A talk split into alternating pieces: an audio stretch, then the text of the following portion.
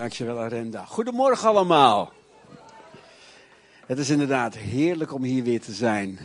Ik kom niet zo vaak in de bioscoop. Niet dat ik daar iets op tegen heb, maar het kost tijd. En dan denk ik, ja, kan ik ook anders gebruiken. Zo zit ik een beetje in elkaar. Maar ik ben altijd blij als ik in Zutphen naar de bioscoop ga. Want dan kom ik hier. Bij Leef in Zutphen. En eh, ik vind het heerlijk om te zien uh, hoe het werk van God doorgaat. En dat heeft hij ook beloofd en dat doet hij. En ondertussen doet hij dat ook op Aruba. Ik weet niet, ik, uh, ik heb nog wel eens contact met Christian. En uh, hij loopt natuurlijk tegen allerlei dingen aan daar in het verre Caribische gebied. Maar hij heeft al een groep, heeft een groep van twintig mensen om zich heen. Dat weten jullie. Verschillende mensen tot Jezus geleid. Dat is typische Christian. Dat kan hij niet laten. dat doet hij ook overal. En uh, we hebben hem nog niet bezocht. Heeft iemand van jullie hem al bezocht? Nee, nog niet. Nee, dat is ook misschien nog te kort uh, tijd voor. Maar we hebben wel beloofd dat we binnen twee jaar bij hem langs gaan, mijn vrouw en ik, om ze ook uh, te bezoeken en ook te bemoedigen. Maar we zijn nu hier in Zutphen. En ja, ze hebben me gevraagd, wil je spreken over het onderwerp wie je bent in Christus? Het is bijna Pasen. En um, Pasen is bijzonder. Uh, Pasen is voor ons allemaal bijzonder. En dat is het uh, ook voor mij. Toen ik het boek het zeven, De Zeven Wonderen, of Het Wonder van het Kruis, internationale titel is De Zeven Wonderen van het Kruis, geschreven heb, heeft dat mijn leven veranderd. Um, hoe kijk je naar het kruis? En dat heeft ook alles te maken met waar we vanmorgen even over gaan spreken met elkaar, wie je bent in Christus. Hoe kijk je naar het kruis, maar hoe kijk je naar jezelf? En hoe kijkt God naar jou? En vooral dat laatste, hoe kijkt God naar jou? Dat is bepalend. Sommige mensen denken dat God boos op ons is. Sommige mensen denken dat God boos op hen is. Of dat God teleurgesteld in je is als je eens gestruikeld hebt. Nou, ik kan niet alle aspecten natuurlijk gaan behandelen. Maar God is niet boos op je hoor. God houdt van alle mensen, wist je dat? Hij houdt van lieve mensen. Hij houdt van lastige mensen. Hij houdt van mooie mensen. En hij houdt van moeilijke mensen. En hij zegt, Wilkin, nu jij.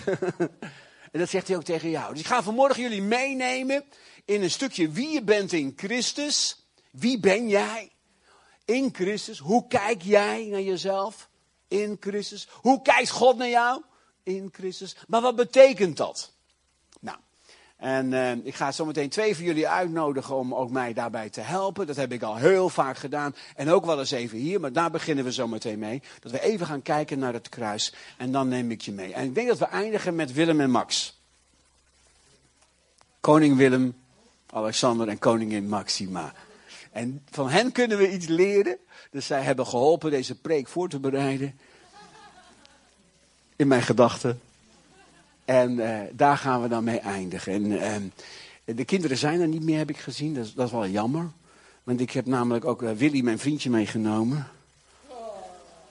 En ja, de kinderen in onze kerk hebben hem Willy genoemd. En ze, zij mochten de naam kiezen. En zij. wat? Nee, dat doen we vandaag niet. Ah. Je komt wel aan, aan, aan bod. Ja, ja. Oké, okay, goed. Willy dus. Om je iets te laten zien. Ik wil een paar beelden, een paar plaatjes met jullie schetsen van hoe God naar jou kijkt en wat er gebeurde aan het kruis. En dit is zo bepalend voor je leven. En weet je, al die plaatjes in jouw hoofd over hoe God eruit ziet en hoe hij naar jou kijkt, die moeten misschien wel gewist worden. En er moeten nieuwe plaatjes voor in, in de plaats komen. Weet je, weet je hoe jouw leven echt kan veranderen? Als je gaat denken zoals God denkt. Weet je hoe jouw leven gaat veranderen? Als je gaat geloven wat God gelooft. Weet je wanneer jouw leven gaat veranderen? Als jij gelooft wat God over jou gelooft. Weet je wanneer je leven gaat veranderen? Is this a black church? Weet je wanneer je leven gaat veranderen? Echt waar? Als je je denken dus gaat veranderen. Dat je gaat beleiden wat God over jou zegt. Maar luister, zeg niet te snel amen. Anders vergis je je straks nog op het verkeerde moment. Want we hebben allemaal plaatjes, allemaal plaatjes van ja, wie ben ik nou? ik, ik, heb, ik zal het heel kort doen. De eerste keer dat ik op een, nationale conferentie mocht spreken, dat was met professor Dr. Dr. Willem Ouweneel en zendeling, internationale zendeling Anton van der Laak. En ik was de derde spreker.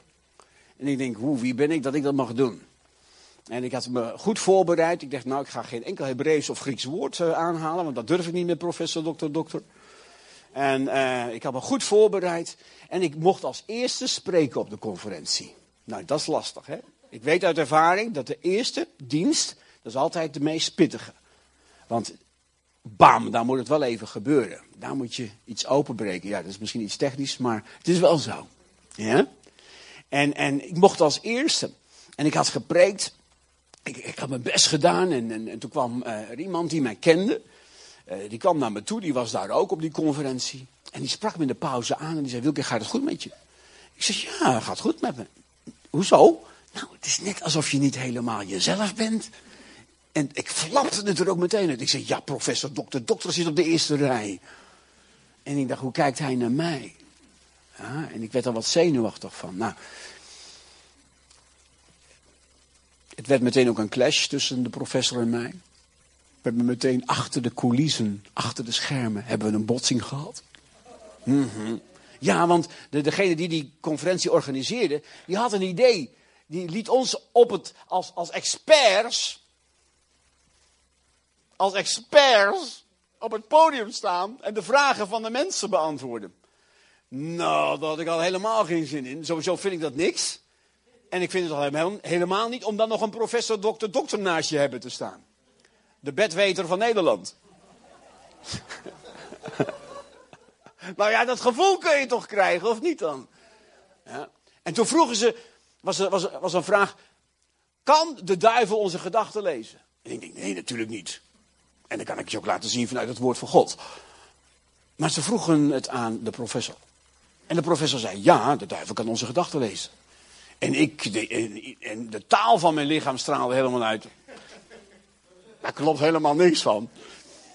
Maar goed, ik denk, ik zeg niks. Ik ben blij dat ik die vraag niet gekregen heb. Maar wat deed de, de interviewer? Die zei, en Wilkin, hoe denk jij daarover? Snap je? En, denk, dus, en ik dacht, ik zeg niks. Maar ja, hij vroeg door en hij had, mijn, had de taal van mijn lichaam al gelezen natuurlijk.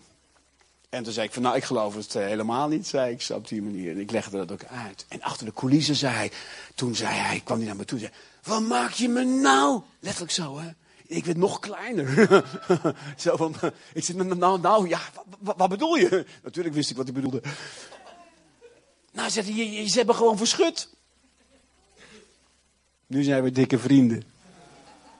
Maar dat was onze eerste ontmoeting. We zijn samen gaan werken, ook eh, met conferenties. En toen waren we weer met z'n drieën bij elkaar. Twee jaar later. Twee jaar later. Willem Ouweneel en, en, en, Anton van der Laak en, en dan mijn persoon. En uh, tweedaagse conferentie. En op vrijdagavond had Willem natuurlijk weer een dubbele afspraak. Willem heeft geen secretaresse. Dan krijg je dat. Dat heb je met bedweters, ze hebben geen secretaresse nodig. Wij, maken grapjes over elkaar, oké? Dus dat u niet denkt van, uh, oh wat heeft hij nou uh, met de professor? Dat is mijn vriend. Hij is mijn vriend. Maar um, hij had een dubbele afspraak, hij was er niet. En, en, en, en Anton zou spreken die avond en ik zat dan te luisteren met al die mensen. En toen zei Anton, ik weet nog precies de eerste keer dat wij samenwerkten, Willem en Wilkin en ik. En toen dacht ik bij mezelf, dat weet ik ook nog heel precies. En weet je wat Anton vertelde? Hij zei van, het was onze eerste keer met z'n drieën. En uh, halverwege die conferentie kwam mijn vrouw naar me toe. Joke. En die zei, Anton, gaat het goed met je? Ja, zei Anton, het, gaat goed. Nou, zei ze, je bent niet helemaal jezelf. Ik denk, wat gebeurt? Ik, ik, ik, ik luister, ik denk, hè? Nou ja, zei Anton, Willem heeft boeken geschreven. Wilkin, ik had toen mijn eerste boek geschreven, Het Wonder van het Kruis. Wilkin heeft een boek geschreven. Letterlijk, hè? Zei hij, ik heb nog nooit een boek geschreven. Wie ben ik nou? En mijn mond viel open van verbazing. Echt, ik denk, Anton, die man met internationale ervaring, is de hele wereld over geweest. Die kan je over wonderen vertellen. En Anton die worstelt daar ook mee. Niet alleen ik, maar ook Anton. Ik kon het niet laten. Ik ben opgestaan die vrijdagavond en ik ben naar het podium gelopen. Ik heb gezegd, Anton, mag ik wat zeggen? Toen heb ik verteld wat ik jullie net verteld heb. Over de professor en ik. Er gingen weer een paar jaar overheen. Ik denk een anderhalf, misschien ook weer twee jaar. En toen hadden we een vrij zijn uh, weekend op de Battles, hier vlakbij in Zelhem. En uh, Willem werkt nu al jaren met ons ook in de vrij zijn weekenden mee. En, en, op heel veel andere uh, manieren werken we samen op de Bijbelschool en in België en, en, weet ik veel wat dan ook. En dat is mooi. We zijn vrienden geworden. En we zaten achter de coulissen. En even een momentje tussen Willem en mij alleen. Willem en ik. En toen dacht ik, ik ga het hem vertellen. Ik zeg, Willem, ik zeg, weet je nog de eerste keer dat wij elkaar ontmoeten? Dat we samenwerkten. En weet je wat Willem zei? Oh ja, zei hij, dat weet ik nog heel goed. Je snapt al waar het naartoe gaat? En ik vertelde wat Anton had gezegd op die vrijdagavond. Hoe ik me gevoeld had. En het werd stil aan de overkant. Het werd stil aan de overkant. Willem zei even niks. Hij zei, Wilkin, de eerste keer herinner ik me nog zo goed. En weet je wat ik dacht? Zei hij. Wie ben ik nou? Anton en Wilkin, die hebben de Heilige Geest met de paplepel binnengekregen. Zo zei hij dat. En die hebben al zoveel wonderen en tekenen meegemaakt. Maar ik, ik ben maar een schrijver. Ik ben maar een leraar. Letterlijk zei hij dat zo. En dan denk je bij jezelf, hoe is het nou mogelijk? Hoe, in de ogen van mensen denk je, eh, in de ogen van mensen Nee, laat, laat ik het anders zeggen. Wij kijken soms naar mensen en zeggen van, wow, weet je wel. Dat doen we allemaal. En dan zetten we ze op een voetstuk, terwijl ze misschien allemaal, nee, we worstelen allemaal met die gedachte, wie ben ik nou? Wie ben ik nou? En, en daarom is het zo belangrijk dat we gaan lezen en gaan begrijpen wat Jezus voor ons gedaan heeft. Hoe God nu naar ons kijkt. En Um, zoek maar even met me op. 2 Korinthe 5, vers 21. Ik weet niet of we het ook kunnen beameren. Dat is, pak dan alsjeblieft de nieuwe Bijbelvertaling, als we die hebben. Kunnen we beameren of niet? Dan hoef ik het zelf niet op te zoeken. Kunnen we het beameren?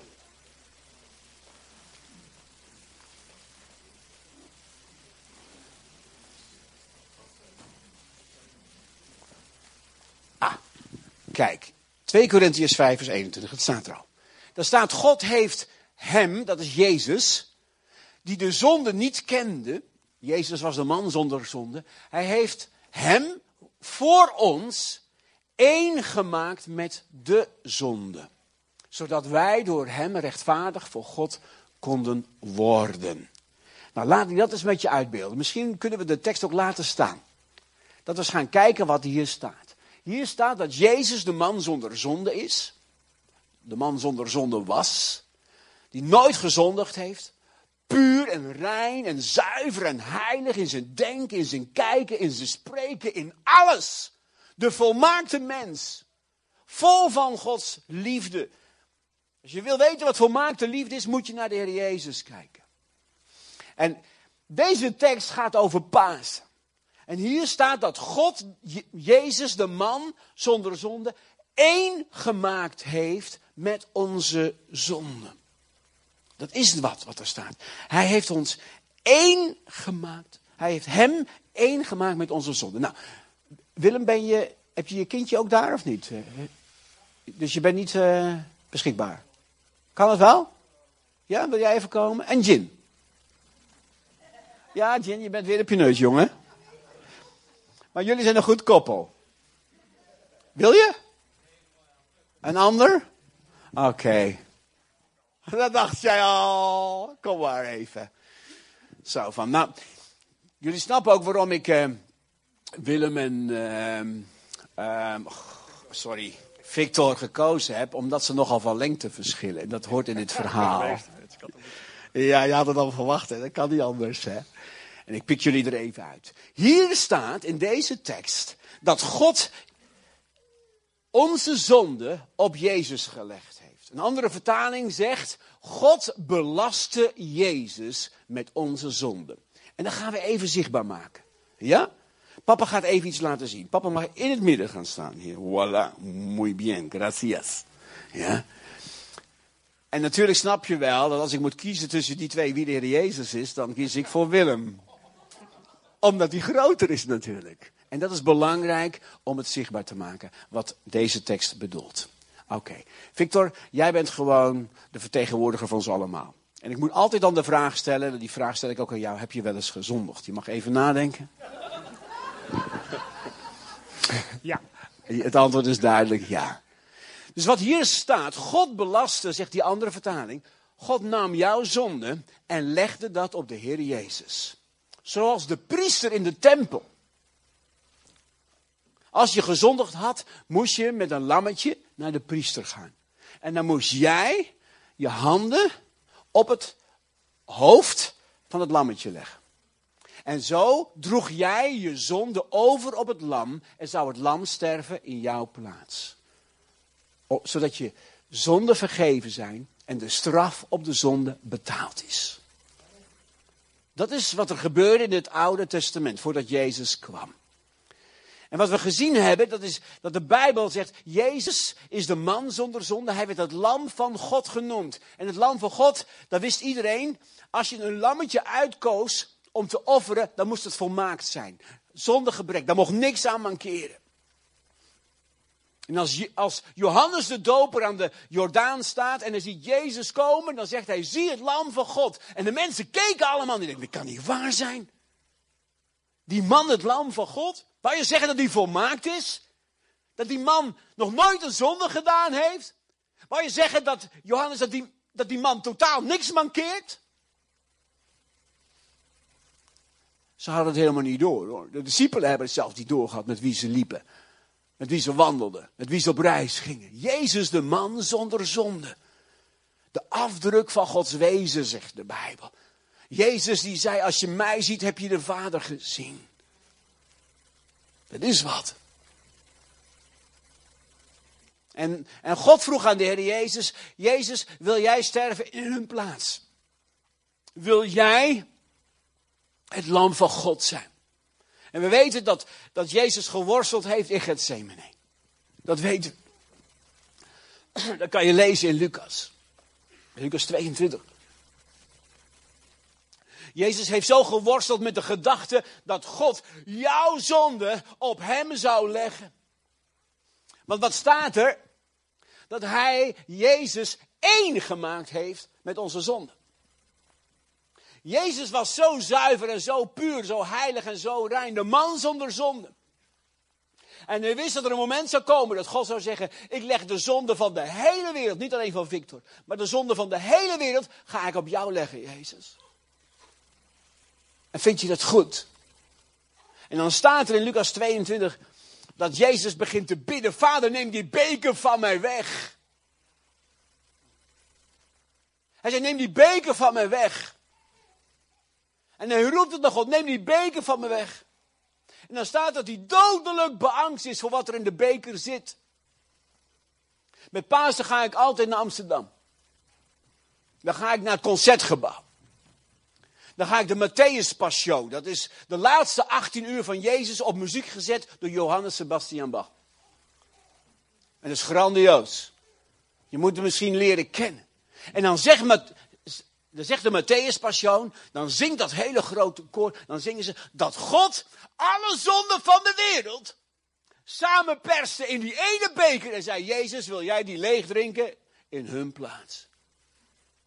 Dat staat in de Matthäus Passion. Elk jaar ga ik naar Amsterdam om dat te horen. Jezus wist, als ik die beker leeg drink, dan word ik tot zonde gemaakt.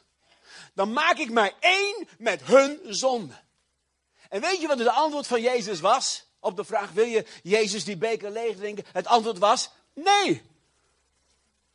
Jezus wilde dat niet. Jezus wilde niet één gemaakt worden met jou en mijn zonde. Want hij had een goddelijke natuur. En net als God haatte hij de zonde. Hij wilde niet met jouw zonde tot zonde gemaakt worden. En hij zegt, vader, neem die beker van me weg. Met de zonde van Victor, van Wilkin, de zonde van Adolf Hitler, van Mao Zedong, van Stalin. Die miljoenen en miljoenen mensen vermoord hebben, vergast hebben, weet ik veel op hoeveel manieren. Kom net uit Peru. Hebben we het kinderthuis mogen openen. Degenen die vanaf het begin in deze gemeente zijn, weten dat we tegelijkertijd met de start van deze gemeente ook het werk begonnen zijn in Peru. Met 30 kinderen op te vangen. En nu zijn het er 2300 die elke dag te eten krijgen. En we hebben vorige week het eerste kinderthuis geopend. Dat Carlos en Mariella begonnen zijn. Elf kinderen opgenomen. Maar alle kinderen zijn getraumatiseerd, misbruikt. En ik ken hun verhalen. En dan word ik soms gewoon helemaal misselijk van. En het jongste meisje is een jaar. En haar zusje is acht. En hun moeder is een prostituee. En het oudste meisje is aan mannen gegeven voor geld. En het jongste meisje van een jaar ook. En dat jongste meisje mag je niet dichtbij komen. De kinderen zijn nog maar drie weken daar. Het meisje heeft elke nacht gegild, dat meisje van een jaar. En Carlos ging elke dag eten met de kinderen. En hij heeft heel voorzichtig gedaan. De medewerkers die er zijn, mogen niet in de buurt komen. Wij mochten niet in de buurt komen. We waren zes dagen in het kinderthuis. Anderhalve week geleden. En weet je, midden in de week gebeurde er iets. Op het terrein van het kinderthuis is een grasveld. En dan mogen de kinderen spelen. En Carlos liep daar en ik stond iets verder weg.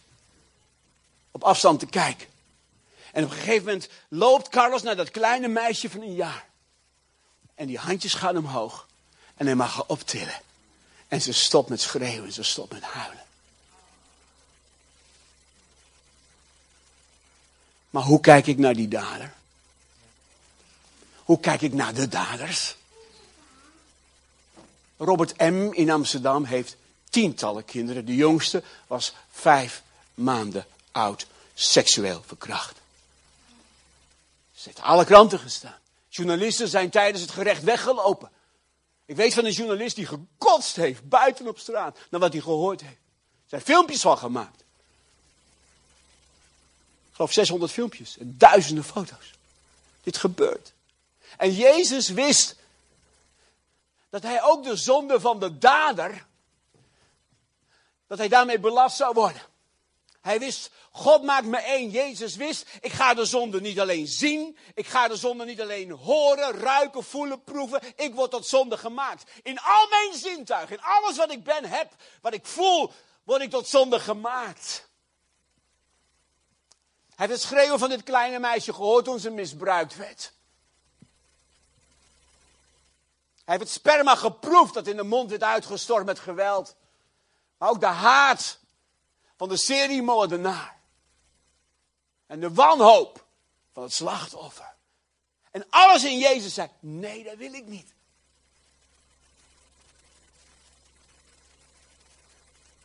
Hou op te zeggen, hou op met het antwoord geven. Hé, hey, Victor, wat heeft Jezus voor jou gedaan? En wat zeggen we vaak? zeg jij niet. Jij kent het verhaal. Ja, Jezus is gestorven aan een kruis voor mij. Jongens, dat is een homeopathische vorm van het evangelie. Homeopathie is hierop gebaseerd dat je een stofje in een, in een flesje doet. Maar dat is zo verdund, verdund dat je de oorspronkelijke stof niet meer terugvindt en dan moet het werken. Nou, als dit jouw antwoord is, Jezus is voor mij gestorven aan een kruis, dan heb je nog nooit begrepen wat er in de laatste 18 uur gebeurde, wat Jezus voor jou gedaan heeft. Hij koos er uiteindelijk voor om één te worden met jouw zonde. En dat laten we even zien. Jezus nam onze zonde op zich aan het kruis. Maar luister, God heeft niet alleen jouw zonde op hem gelegd. Waardoor hij zelfs bloed heeft gezweten omdat hij daar zo mee geworsteld heeft. Dit kon hij niet aan. Er moesten engelen uit de hemel komen om Jezus kracht te geven. Zodat hij die beker kon laag, leegdrinken tot de laatste druppel. En hoe heftig dit ook is dat Jezus mijn zonde op zich genomen heeft. Jezus deed meer dan dat. Hij droeg niet alleen mijn zonde, hij droeg ook de straf op de zonde. Het oordeel van God over mijn zonde kwam op Jezus neer. En weet je waarom? In Romeinen 8, vers 1 staat. Wie in Christus is, zal nooit meer veroordeeld worden. Letterlijk staat er zal nooit meer verdoemd worden. Kan nooit meer verloren gaan. Weet je waarom? God heeft zijn oordeel over jouw zonde op Jezus gelegd. Dus niet alleen je zonde, maar ook het oordeel van de zonde op jou. Niemand kan jou nog roven uit de hand van de Vader. Wist je dat? Niemand. Maar Jezus deed dat voor jou. Je kunt wel geloven in het wonder van het kruis. Je kunt wel zeggen, ja, ik geloof dat Jezus is gestorven. Kom maar even lekker erbij staan. Zo ernaast staan. Goed zo, blijf bij, papa, bij papa staan. Hou hem goed vast dat hij niet omvalt. Het is niet voldoende dat je zegt, ik geloof dat wat Jezus gedaan heeft aan het kruis voor mij. Nee, Paulus zegt, Paulus heeft ons geleerd, de apostel Paulus heeft gezegd, kun jij zeggen, ik ben met Christus gestorven. En ik ben met Christus opgestaan. Kun je dat zeggen? Want Jezus hing daar niet voor zichzelf. Toen ze zeiden, Jezus, als je echt de zoon God bent, kom dan af van het kruis.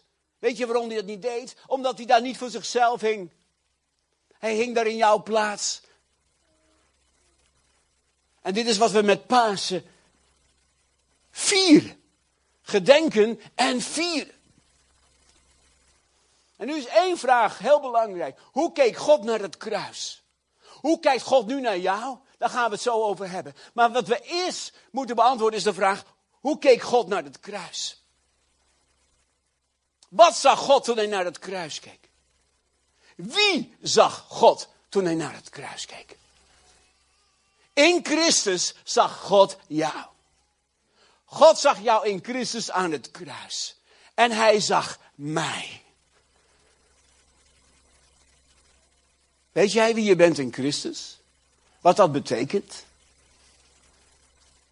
Dat Jezus zich één heeft gemaakt met jouw zonde en met jouw straf op de zonde. Zodat jij vrijgesproken wordt, vrij uit kunt gaan en dat je weer bij de Vader mag komen.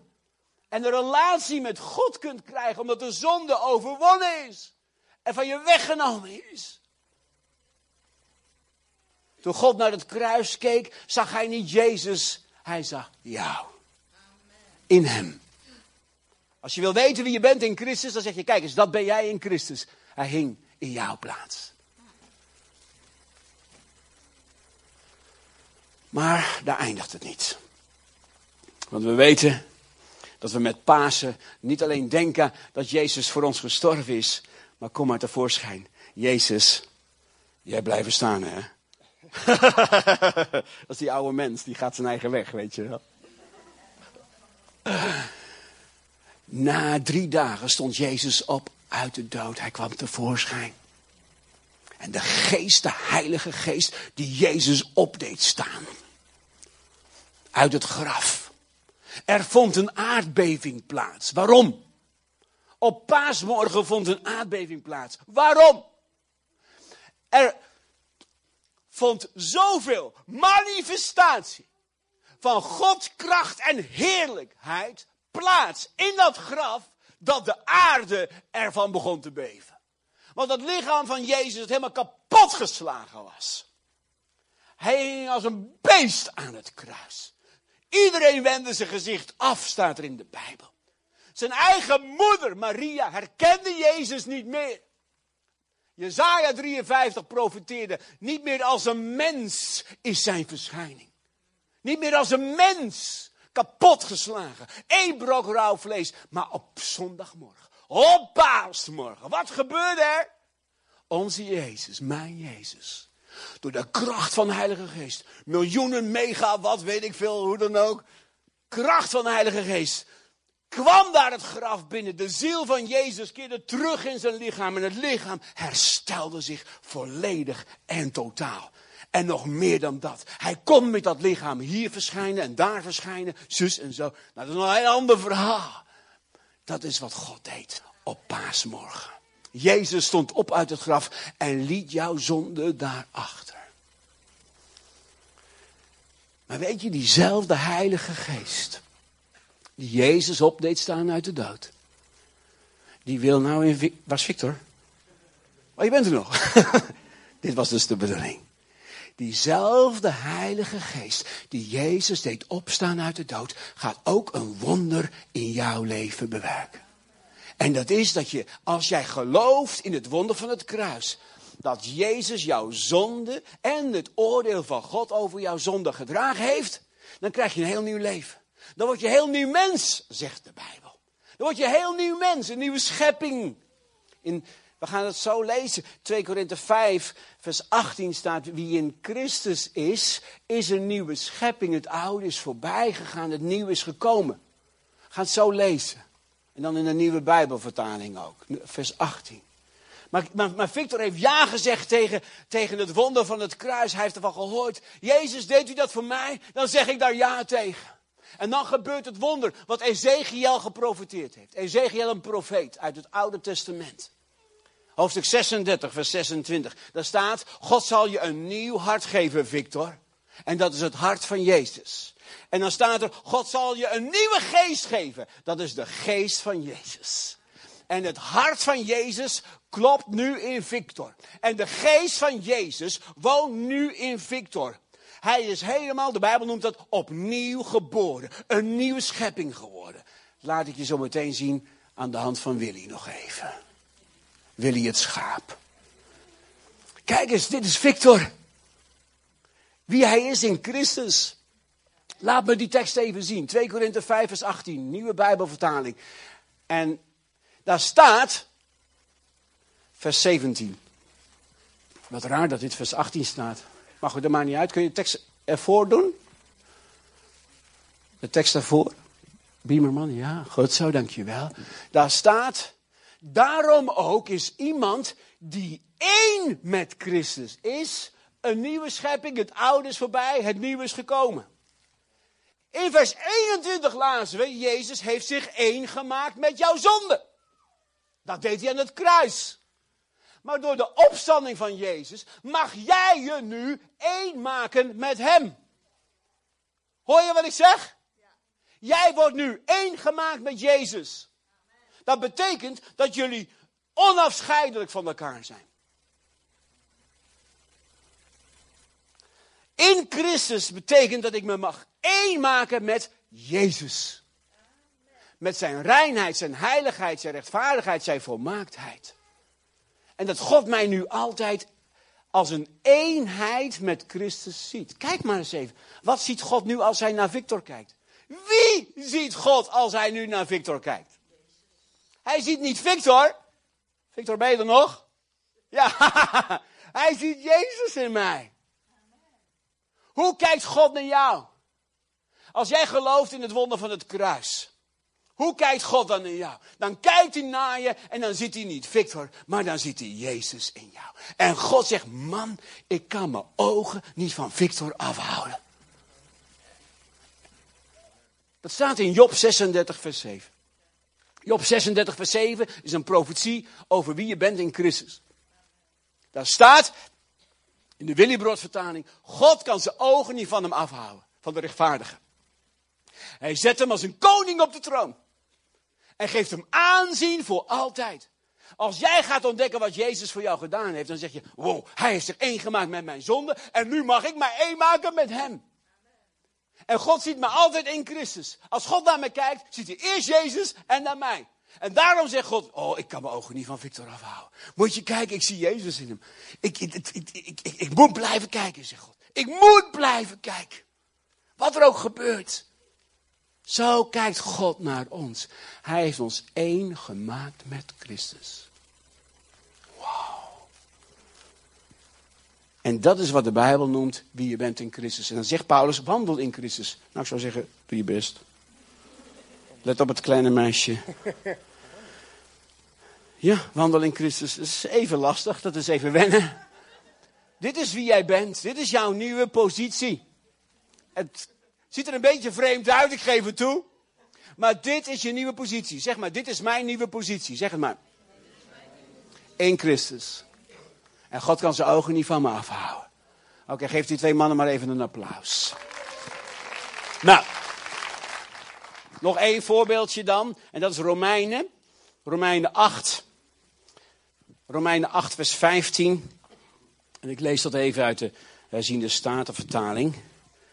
Romeinen 8 zegt Paulus nog iets anders. Hij zegt, want jullie hebben niet de geest van slavernij ontvangen toen je tot geloof kwam, toen je opnieuw geboren werd. Je bent niet meer langer een slaaf. Een slaaf? Waar was ik dan een slaaf van?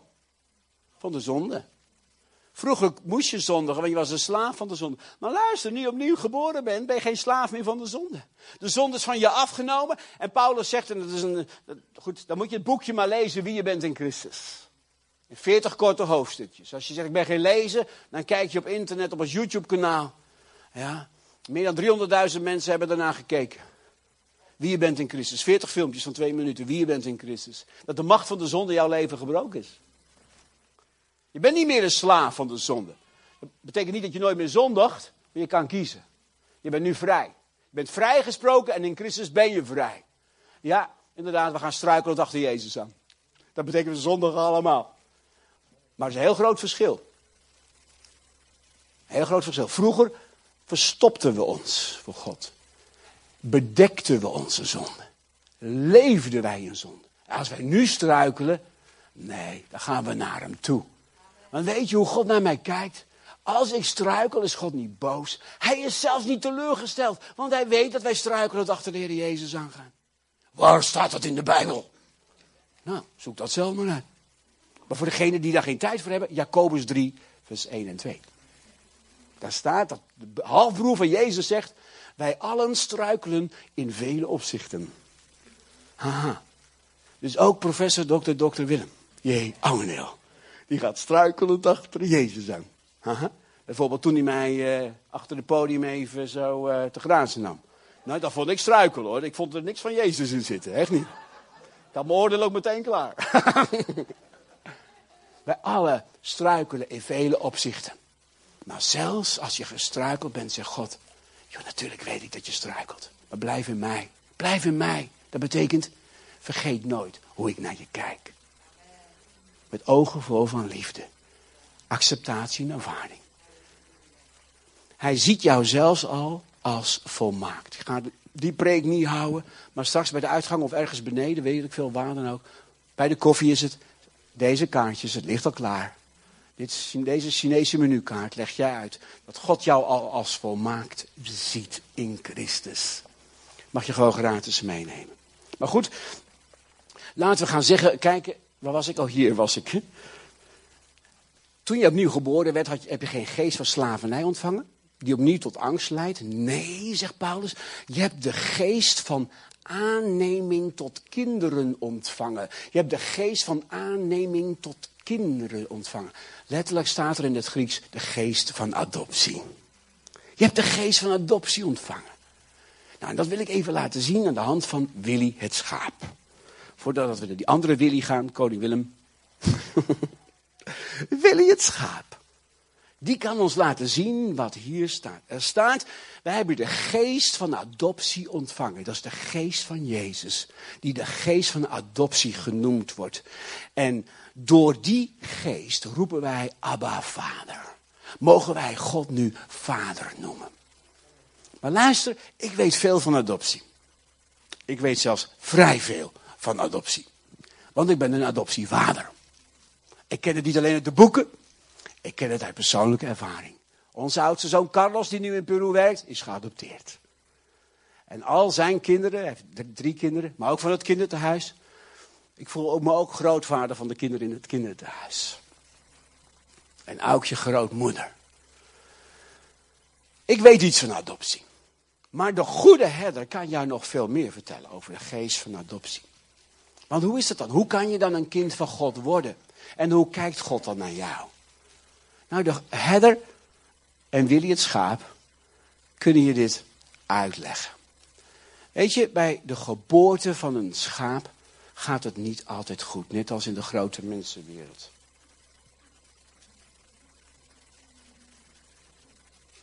Soms overlijdt moederschaap. En soms overlijdt het lammetje.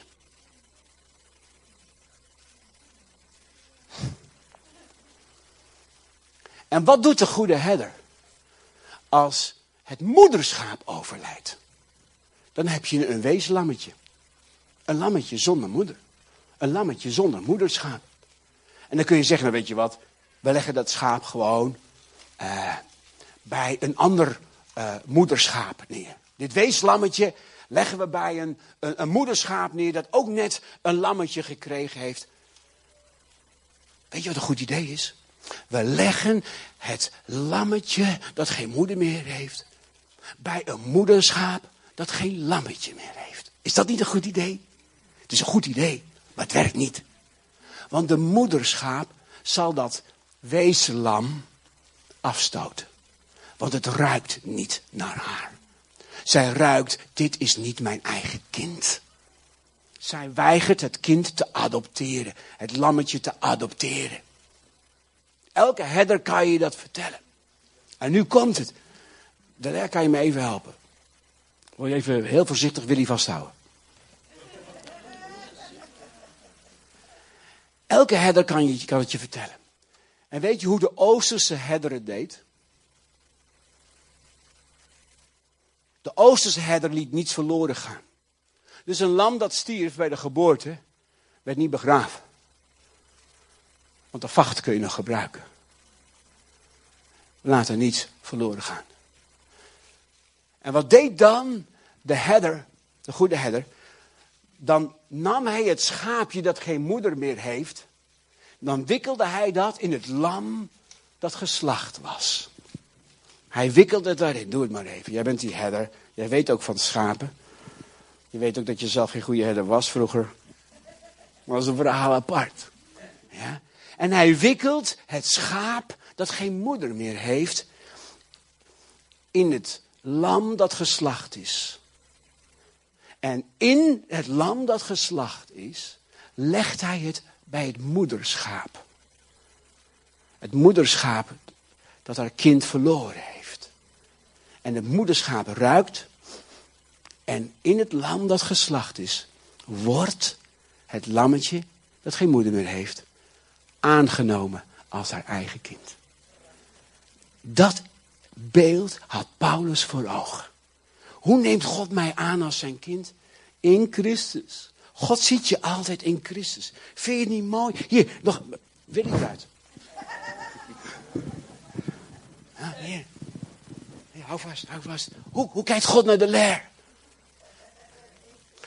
In Galaten 3 zegt Paulus het nog anders. Jullie zijn toen je gedoopt bent en opgestaan bent uit het watergraf, heb jij je laten dopen? Nee hoor. Ja, jij, heb jij je laten dopen? Ja, dat was wel, ja. Je ogen glinsteren erbij. Heb je je laten dopen? Paulus zegt, als jij opgestaan bent, dan laat je zien, ik ben in het water gegraf, ik ben met Christus gekruisigd. En in de doop laat je zien, ik ben met Christus opgestaan. En dat is het paasfeest, dat we vieren met elk doopfeest. En als we avondmaal vieren, vieren we paas.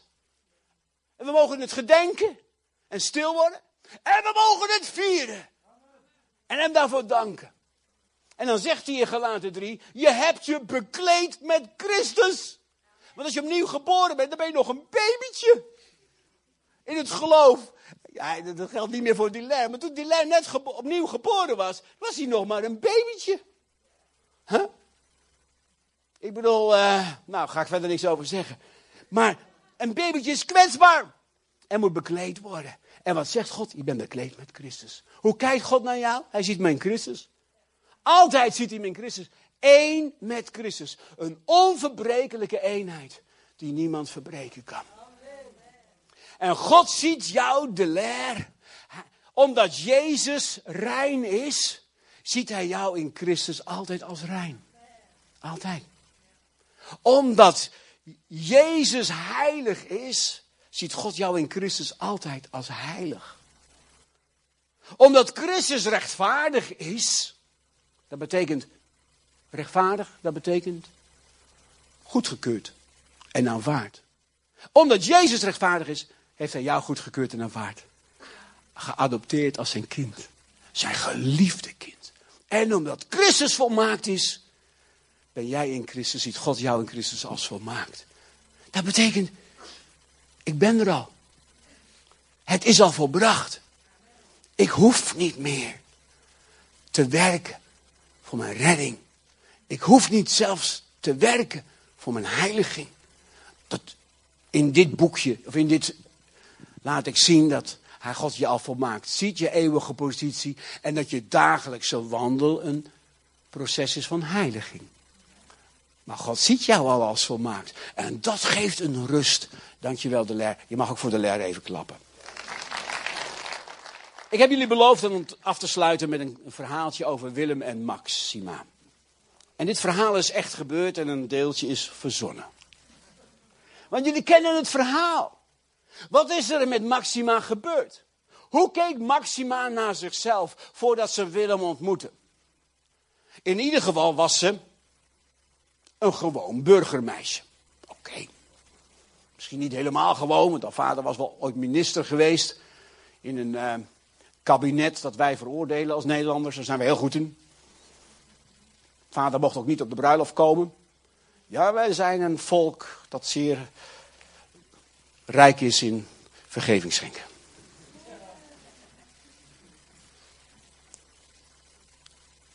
Dus hoe keek ze naar zichzelf? Willem kon zijn ogen niet van Maxima afhouden. En later ook zijn handen niet. Toch? Want twee worden één. Toch? Ja. Ik bedoel, uh, ik heb één hobby, dat is Aukje. maar hoe dacht, hoe, dacht, hoe dacht Maxima over zichzelf? En wat gebeurde er toen ze Willem-Alexander, de prins, de kroonprins, leerde kennen? Op het moment dat ze gingen trouwen en Willem koning der Nederlanden werd, veranderde er iets in Maxima. Er veranderde iets met Maxima. Wie ben jij in Christus? Wat heeft Jezus voor jou gedaan? Hoe kijkt God naar jou? Hoe kijk je naar jezelf? Kijk naar Willem en Maxima. Eerst was Maxima een eenvoudig, gewoon burgermeisje. Niemand kende haar. Maar op het moment, jongen, dat ze trouwt met Willem-Alexander. Je moet eens in Zuid-Amerika kijken toen het gebeurde. Ik was daar. Ik was in Zuid-Amerika toen die twee trouwden.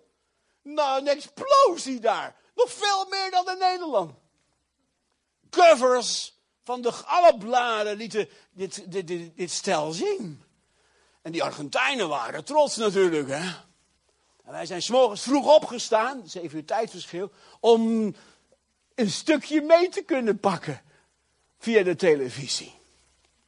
Maar wat gebeurde er met Maxima? Haar hele positie veranderde. Van een eenvoudig burgermeisje veranderde ze in een prinses. En toen hij koning werd, werd ze koningin der Nederlanden. Hoe speelde ze dat klaar? Is zij uit zichzelf koningin der Nederlanden? Ik zeg je nee, want op het moment dat Willem overlijden zou, hè, wat we niet wensen, want we hebben een fantastische koning. Maar op het moment dat Willem-Alexander overlijden zou, is zij geen koningin meer. Hè? Ze is geen koningin meer. Nee, in Willem is ze koningin geworden. Snap je dit? Haar positie is veranderd. Denk nog een keer aan Job 36, vers 7. Die profetische woorden. En God kan zijn ogen niet van je afhouden. Hij ziet je als de rechtvaardige in Christus. Hij zet je als een koning op de troon. Hij geeft je aanzien. God gaat je aanzien geven. Op het moment dat jij ontdekt wie je bent. Hoe God naar je kijkt. Wat Jezus voor je gedaan heeft. Dan sta je rechtop. Dan kijk je op een andere manier de wereld in. Dan laat je niet meer intimideren door professor, dokter, dokter of wie dan ook. Dan weet je, ik ben geliefd door mijn vader. Ik ben een koningskind en God kan zijn ogen niet van me afhouden. Maxima kreeg een nieuwe positie in Willem. En zo krijg jij, als jij gelooft in het wonder van het kruis, een nieuwe positie in Christus.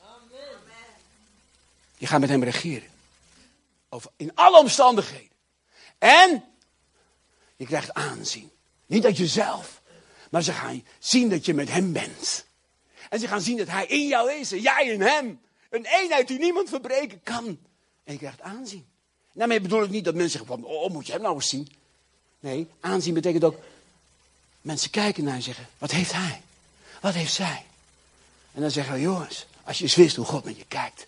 Als je eens wist wat Jezus voor jou gedaan heeft. Dus ze kregen een nieuwe positie en een nieuwe identiteit. Geen burgermeisje meer, maar een koningin. En daar, denk daar dan eens aan bij Pasen. Aan Willem en Alexander. En toen dacht ik bij mezelf, dat stukje is dan verzonnen. Kon Maxima dat meteen pakken? Ze moest een nieuwe taal leren.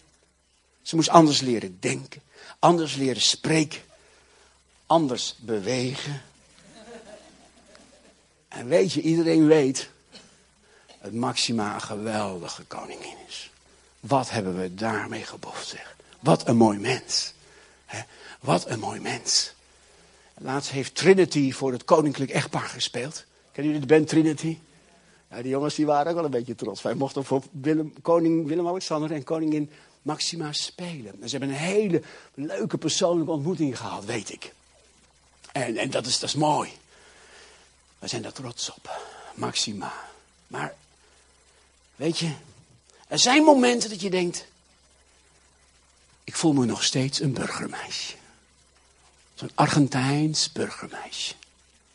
Ik bedoel, is het de duivel niet die dat je voorhoudt? Dan zijn er misschien wel anderen die zeggen: Wie denk jij wel dat je bent dat je dit zou kunnen doen of mogen doen?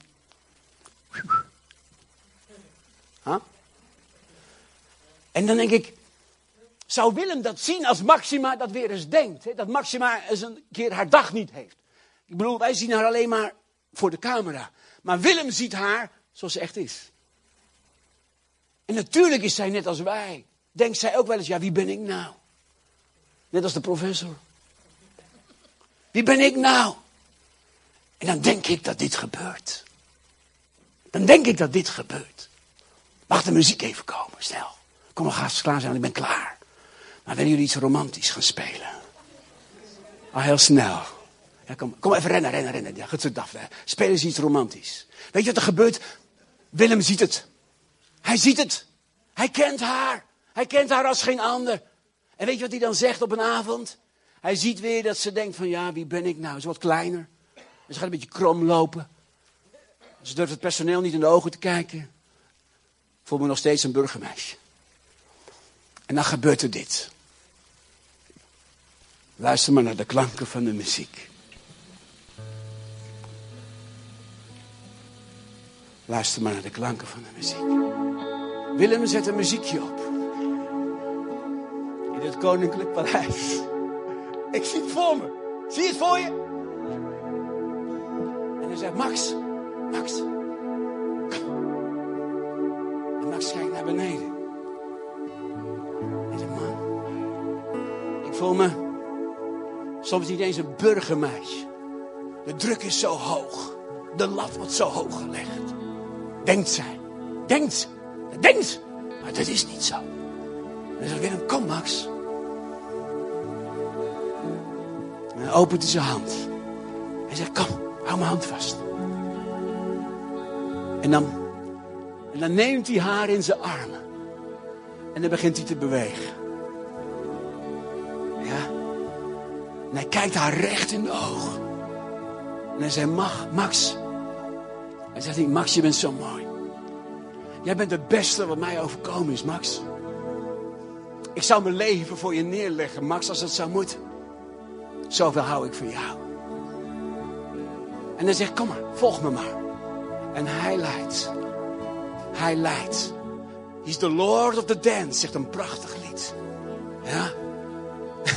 en misschien trapt Max per ongeluk op zijn tenen. Hij zegt, geef niet. Geef niet. Hij zegt, kom. En hij drukt haar nog dichter naar zich toe. Snap je dat? En ze voelt zijn hart. En haar hart begint synchroon te lopen met zijn hart, te kloppen. En dat is wat hij wil. Voel wat ik voel, Max. Jouw hart en mijn hart. Eén. Ga voelen wat ik voel. Ga spreken hoe ik spreek. Ga kijken hoe ik kijk. En laat je hart vullen met mijn liefde. Dan zul je veranderen, Max. Max, dan ga je dingen doen die je nooit voor ogen gehouden hebt. Max, dan ga je dingen doen die je nooit voor ogen gehouden hebt. Max, je kunt niet klein over jezelf bedenken. Over jezelf denken, als jij in mijn armen. In mijn armen komt en we gaan dansen. Dans, Max. Voel, Max.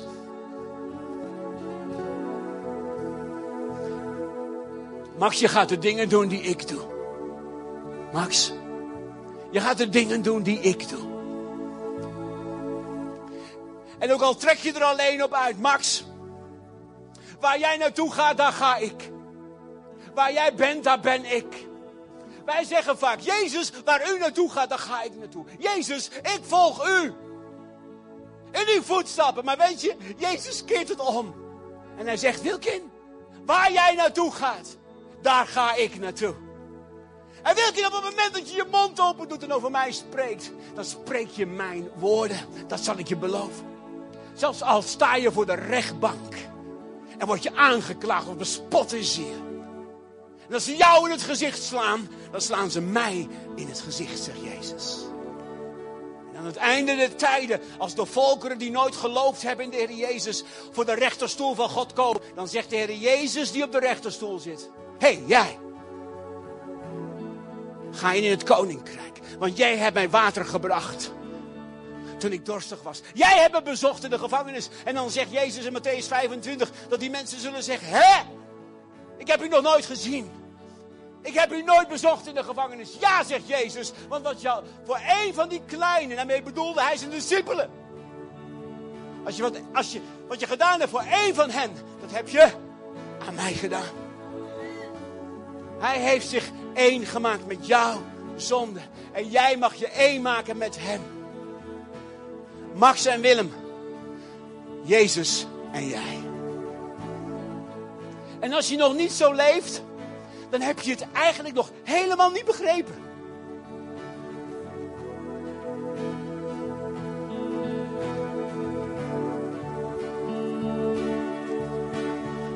En dan zegt die man, kom. Vrouw, kom. Neem mijn hand. Kom. I'm the Lord of the dance. Dans met mij. En al die plaatjes in je hoofd over wie God is en hoe je naar jezelf kijkt. Verander je denken. Verander je denken. En dat is de keuze die jij kunt maken. En het zal je leven echt waar totaal veranderen. Goede herder wordt door de oud-Griekse Johannesvertaling, de, de meest oude vertaling van het Johannes-evangelie, spreekt niet over de goede herder, maar over de mooie herder. En de mooie herder maakt een mooi mens voor jou. Aha. De mooie herder maakt een mooi mens voor jou. Zullen we gaan staan? Oh, he loves us. Laten we dat zingen. Alleen het refrein. En meteen een uh, octaafje hoger, weet je wel? Zing het maar uit. Oh, how he loves us. Laten we hem antwoorden in ons lied.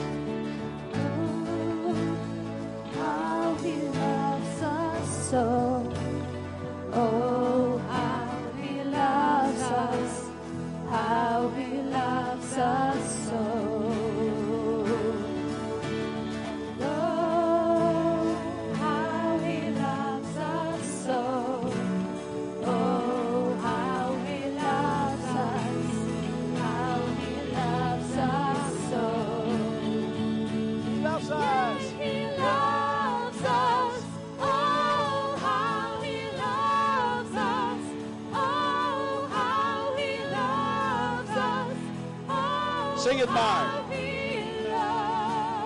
Zing het als een antwoord. Zing het als een antwoord naar hem.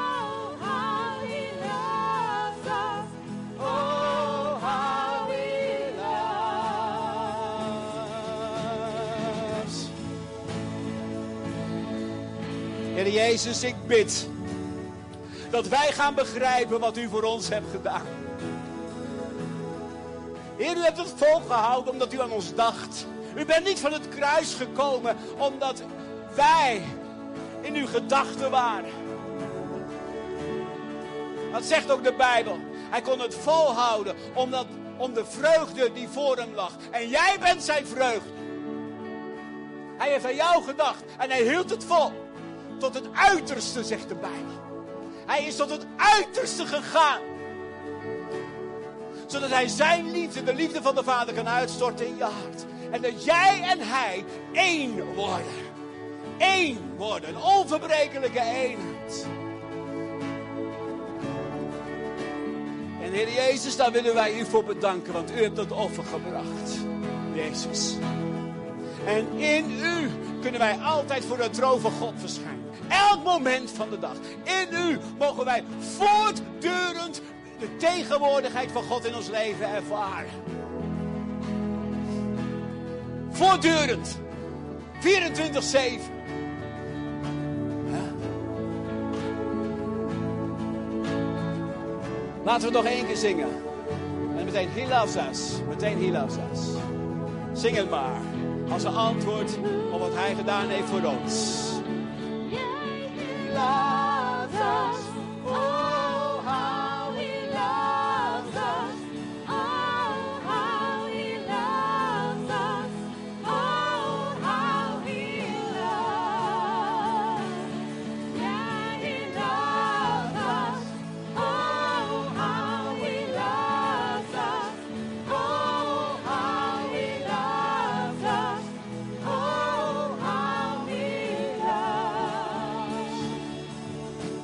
En natuurlijk, we prediken nooit zonder een uitnodiging te doen.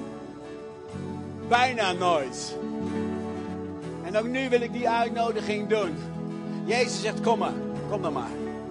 Als je net als Maxima denkt, ja wie ben ik nou zo'n burgermeisje? Kom aan deze kant staan. Wil je- Gebedsteam, mensen die mee willen bidden zometeen, alvast hier klaar gaan staan. Wil u nu komen alsjeblieft, dank je wel. Ja? En ik wil je vragen, dan inderdaad, als je zegt, ja dat wil ik. Ik ben net als die professor, wie ben ik nou? Ik ben net als Wilkin en Anton, wie ben ik nou? En je laat je weer aanklagen. En misschien ben je gestruikeld en je hebt tekort geschoten. Nou, dat zul je wel blijven doen ook, dat garandeer ik je. Maar het wordt tijd dat je zegt van oké, God, dan kom ik hier. En misschien wel opnieuw. En ik ga echt mijn denken veranderen. Het begint met verandering van denken. Het is echt niet, wil een bitter gebedje voor je en klip klaar, alles, eh, alles eh, paletti. Nee, zo is het niet. Het begint met verandering in je denken. Hoe kijkt God naar mij en hoe kijk ik naar mezelf? Het heeft alles met Jezus te maken. Kom dan nu naar voren. En ik wil je vragen ook rechts naar voren te komen. En dan ga ik voor jullie bidden. Ja? Kom dan nu naar voren. Yes, how he loves us. He loves us. Oh, how he loves us. Oh,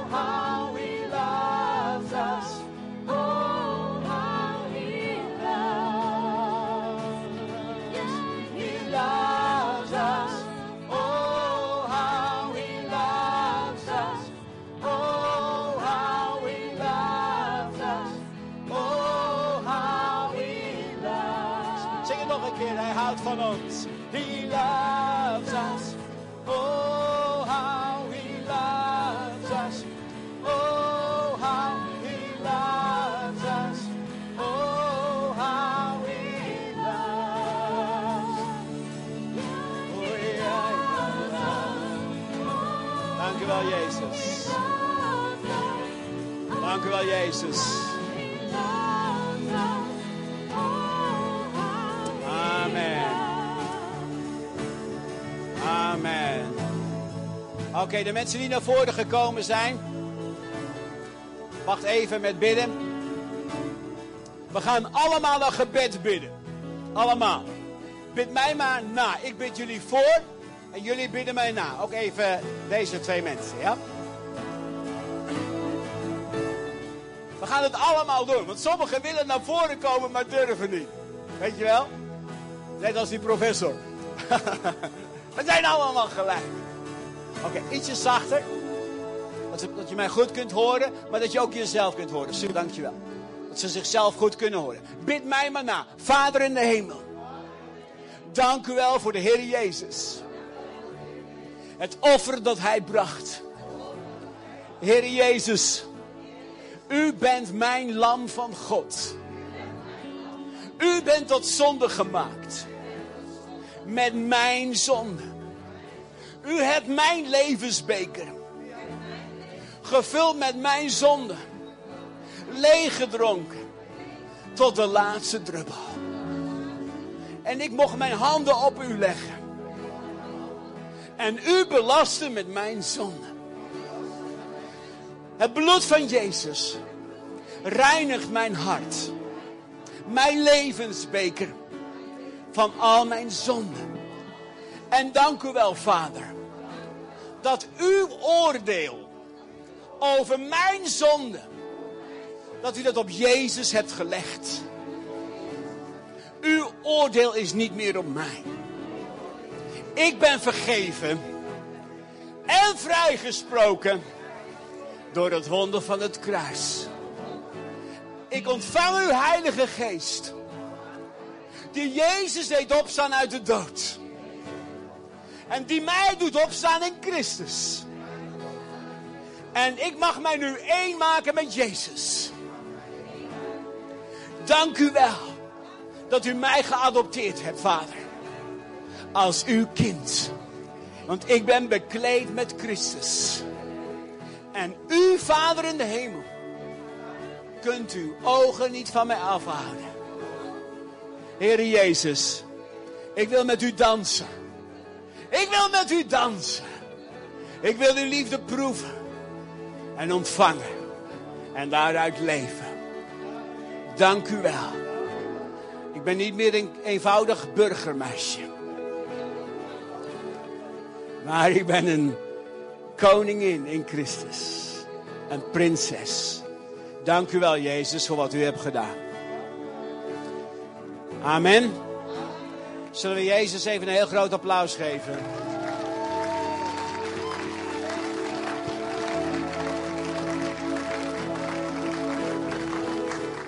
En luister, als jij nu nog een keertje struikelt, of je ziet iemand struikelen, vergeet dan nooit hoe God naar die ander kijkt.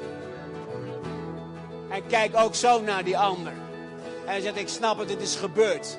Ik ben ook gestruikeld. Maar we helpen elkaar. En we zeggen, we staan op. Ja? En we gaan naar de Vader toe. En Jezus neemt ons in de armen. En dat verandert ons leven. Ik wens jullie een heel fijn paasfeest toe. God zegen.